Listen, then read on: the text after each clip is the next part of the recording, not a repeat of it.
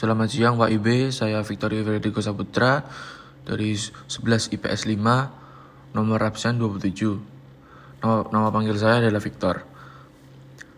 Di sini saya akan menjelaskan mengapa musik barat yang berkembang di suatu negara tidak sama dengan negara lainnya.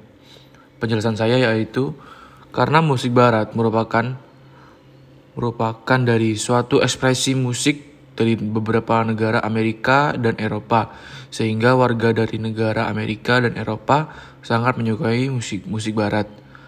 Mengapa musik barat berbeda beda di setiap negara? Karena di setiap berbagai negara memiliki selera yang berbeda-beda dan kebudayaan musik yang berbeda-beda. Musik barat musik, barat menyebarkan sampai luas melalui media elektronik. Contohnya seperti YouTube, Spotify, jokes, dan sebagainya. Sehingga banyak masyarakat yang menyukainya dari media tersebut. Mengapa musik barat selalu berbeda-beda? Nah, contohnya saya akan contohnya saya di negara Indonesia ini. Di negara kita sudah mengenal berbagai banyak aplikasi contohnya Instagram, TikTok, dan aplikasi lainnya untuk mendengarkan musik-musik tersebut.